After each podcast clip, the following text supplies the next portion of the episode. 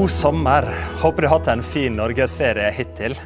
Jeg funderte på en ting denne sommeren. Hvorfor lengter oss alle etter ferie? Etter å komme vekk fra hverdagens kjas og mas.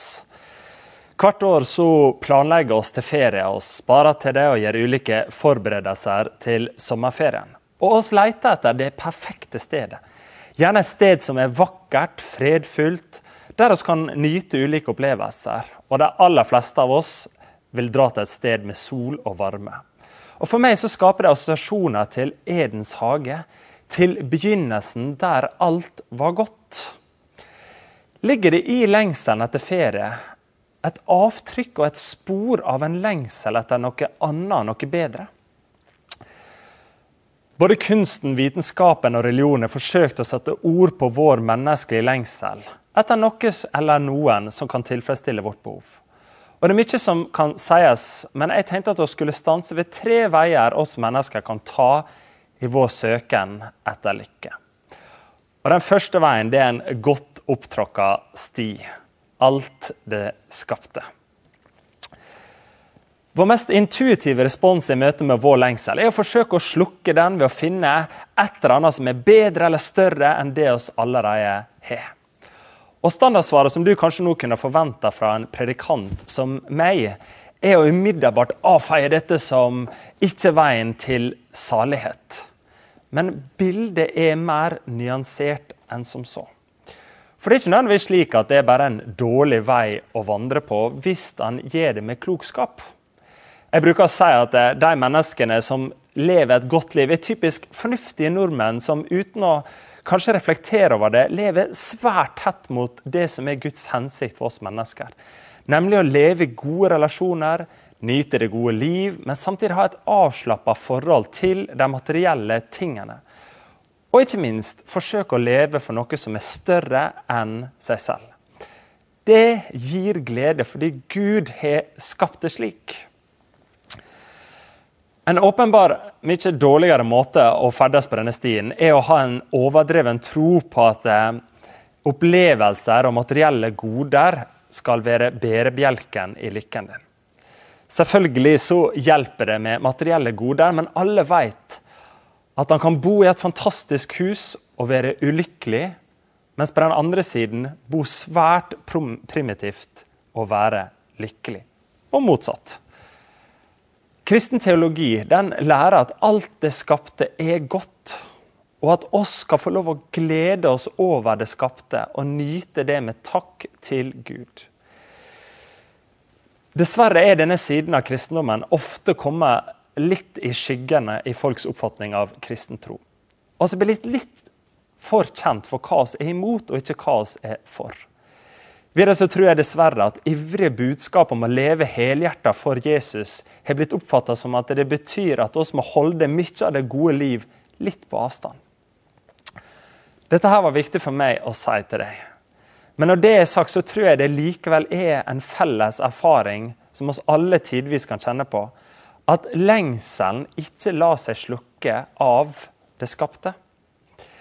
Kirkefaderen Augustin fra 400-tallet, som senere er blitt ansett som en av verdens store kirkelærere og filosofer, sa det slik. Gud, du har skapt meg, og mitt hjerte er urolig inntil det finner hvile i deg. Eller den store slageren fra The Rolling Stones i 1965, så sa det slik I can't get no satisfaction. C.S. Lewis, en kjent ateist som kom til tro i voksen alder, skriver om dette i sitt berømte kapittel om håp i boken 'Mere Christianity'. Her starter han med å si at hvis du er ung, så har du kanskje ikke erfart dette her. Men etter hvert som du blir eldre, så kommer du til å innse at alle de tingene du trodde ville gjøre deg lykkelig, vil skuffe deg. Videre så beskriver han det svært treffende. Jobben, ekteskapet og ferien synes først å være det som endelig gjorde deg lykkelig. Men så oppdager du etter hvert at det fortsatt eksisterer en følelse av tomhet. Og C.S. Lewis han understreker at han ikke snakker om dårlige ekteskap eller dårlige jobber eller ferier. Nei, nei. Han sier han snakker om de best tenkelige. Lewis mener da at jeg og du kan bestemme oss for at det er én eller to eller tre muligheter. Det ene er å si som vi snakka om. Si til deg sjøl jeg trenger bare en bedre ektefelle, jeg trenger bare en bedre jobb, jeg trenger bare en bedre ferie. Det finnes, lyk det finnes lykke et sted der ute i denne verden. Jeg har bare ikke funnet det rette. Og som jeg sa innledningsvis, er dette her en godt opptråkka sti. Men jeg tror at oss alle er lurt i å lytte til de mange som har hoppa av fra den stien, og høre på deres råd om at du ikke når fram dit du ønsker, hvis du vandrer på den alene. Den andre veien du kan slå inn på, er å distansere deg fra det skapte. Du kan si det går jo ikke an å bli virkelig lykkelig, eller det er ingen reell tilfredsstillelse. Jeg må bare lukke hjertet mitt, slutte å syte ut i lufta og bli kynisk. Det kan gjøre at du rett og slett blir mindre skuffa og såra hvis du gjør det. Men jeg tror at det også kommer til å drepe den delen av deg som virkelig ønsker kjærlighet, glede og fred. En religiøs vri av denne andre veien kom jeg over når jeg las om andre religioner på teologistudiet. Nærmere bestemt østlige religioner og buddhismen. Buddha er navnet og ærestittelen som ble gitt til den indiske prinsen Siddhatta Gotama. Det er et vanskelig navn buddhismens stifter etter hans oppvåkning. Han levde omkring 400 år før Kristus, og hovedtrekkene i hans historie er som følger.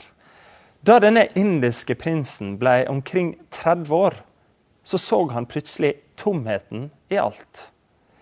Verdt å merke seg for deg som er i 30-årene, er at dette er et ganske vanlig tidspunkt å få en større erkjennelse av sårbarheten ved livet. Noe jeg sjøl har merka. I 20-årene tenkte jeg at livet vil bare gå fra den ene høyden til den andre. Mens mot slutten av 30-årene så begynner han å få et mer realistisk blikk på livet. Idealismen møter realismen. Og Buddha han fikk en plutselig erkjennelse av sykdom, alderdom og død, som framkalte i han en åndelig krise. Og I flere år så søkte han innsikt i tilværelsen hos tidenes filosofer. Etter hvert så forlot han sin familie, kone og barn og ble en hjemløs asket. Og Han utøvde lenge en streng askese, men til ingen nytte. Til slutt så satte han seg i meditasjon under et fikentre og opplevde sammen at det avgjørende gjennombruddet til en klar erkjennelse av tilværelsens sammenheng og veien til lidelsens opphør. dette var hans oppvåkning. Men hva var det han oppdaga og lærte videre til andre?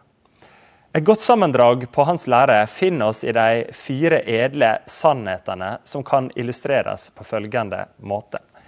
Livet det er en sirkel der han tørster, altså begjærer. Men tørsten vil aldri bli tilfredsstilt, og dermed skapes det lidelse. Tørsten kan være som en slange som biter seg sjøl i halen. Lidelsens opprinnelse er med andre ord våre behov. Tørsten etter sansegleder og eksistens. Og fordi Buddha mente at tørsten aldri kunne slukkes, og derfor alltid ville føre til skuffelse og lidelse, så var den eneste utveien å kvitte seg med denne tørsten. Oppvåkningen var, ifølge han, å innse at Ingenting var verken bra eller dårlig. Det er bare som det er. Da vil du oppleve fred. Eller som jeg vil innvende, ut ifra hva jeg kan forstå, da, likegyldighet. Det er litt som å gjøre hjertet hardt, bare at det oppleves mer spirituelt.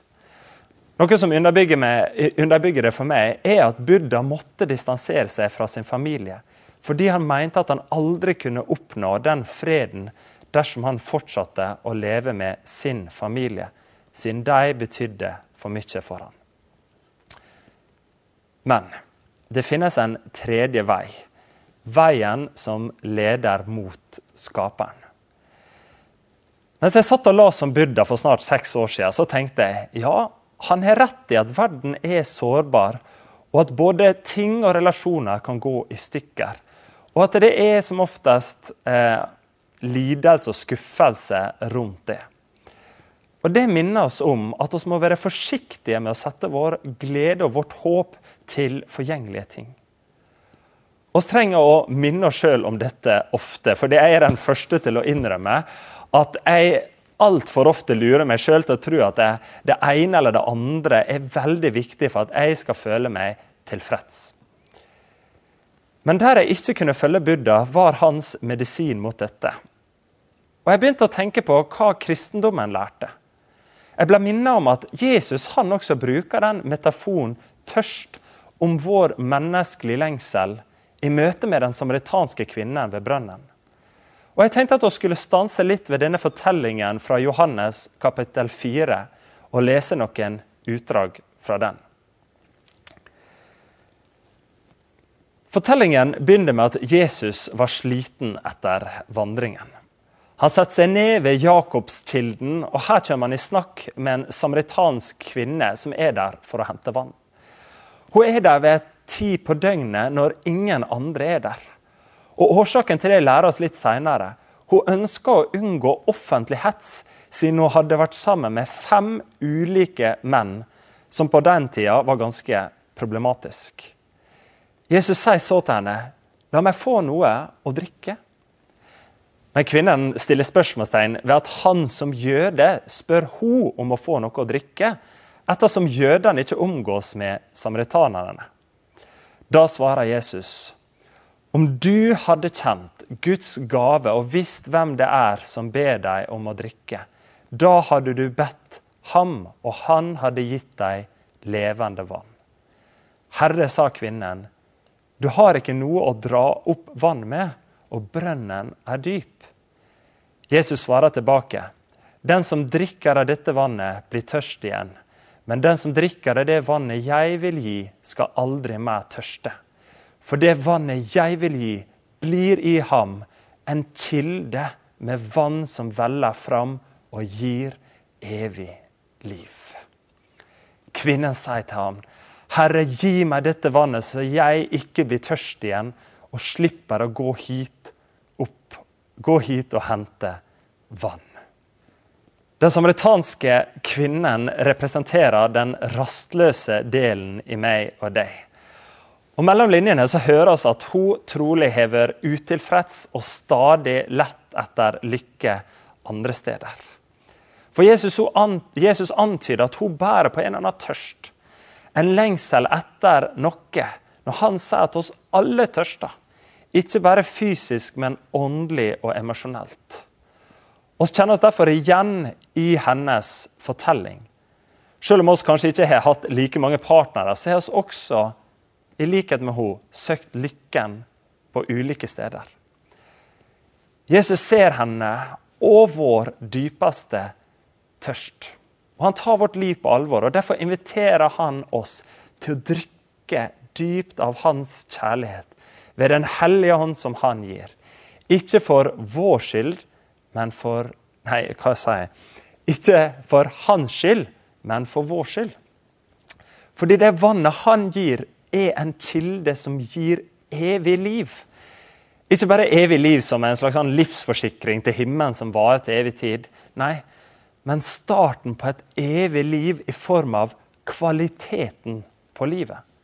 En kjærlighet som ikke falmer, men som varer og varer. Og jeg er overbevist om at Når oss får slukka vår tørst, vår indre lengsel, gjennom at Jesus får dekket vårt basisbehov for kjærlighet og fred, så blir oss frigjort til å virkelig nyte det livet oss har fått, på en sunn og god måte. Jeg sammenligner det med det å være virkelig fysisk tørst etter å ha gått lenge uten å drikke. Når det er veldig tørst, så er det vanskeligere å nyte drikken. Fordi hensikten blir primært å dekke et basisbehov, ikke nyte seg. Videre så står han i fare for å drikke altfor mye av noe som ikke er godt for deg, i store mengder. Men når tørsten er slukka, så kommer oss i balanse igjen. Det er dette som er den tredje veien. Veien tilbake til Skaperen. La derfor Jesus stille din tørst. Det betyr ikke at andre ting ikke lenger, eh, lenger vil være godt eller attraktivt. Men at du kan få lov å erfare noe av det samme hjertet som apostelen Paulus hadde. Hør hva han sier. For jeg har lært meg å klare meg med det jeg har. For jeg vet hva det er å ha det trangt, og hva det er å ha overflod. I alt og i alle ting er jeg innviet. Å være mett og være sulten, å ha overflod og lide nød. Alt makter jeg i Ham som gjør meg sterk. Jeg vil avslutte med slutten av C.S. Lewis sitt resonnement i sitt berømte kapittel om håp. Han sier skapninger er ikke født med behov uten at disse behovene kan tilfredsstilles. En baby føler seg sulten, så det fins noe som heter mat. En andunge ønsker å svømme, og dermed fins det noe som heter vann. Vi føler på seksuell lyst. Vel, det, heter, det er noe som heter sex. Men hvis jeg finner at jeg har et behov som ingen erfaring i denne verden kan tilfredsstille, så er den mest sannsynlige forklaringen at jeg er egentlig skapt for en annen verden. Med andre ord den lengselen som jeg og du tidvis er i berøring med, peker mot Skaperen. Kanskje har du prøvd ulike veier og ikke funnet det din sjel leter etter. Kanskje har du allerede vært en etterfølger av Jesus og begynt å gå inn på andre stier. Men så har du begynt å lure på om Jesus var den veien som leder deg dit du ønsker deg likevel. Hva skal du i så fall gjøre? Det jeg har erfart, er at det ikke er kunnskapen om Jesu kjærlighet som metter vår sjel. Det er erfaringen og kjennskapen av Jesu kjærlighet. Åpne opp derfor ditt liv for Jesus. Søk Han, og Han har lovet å gi deg det levende vannet som gir evig liv.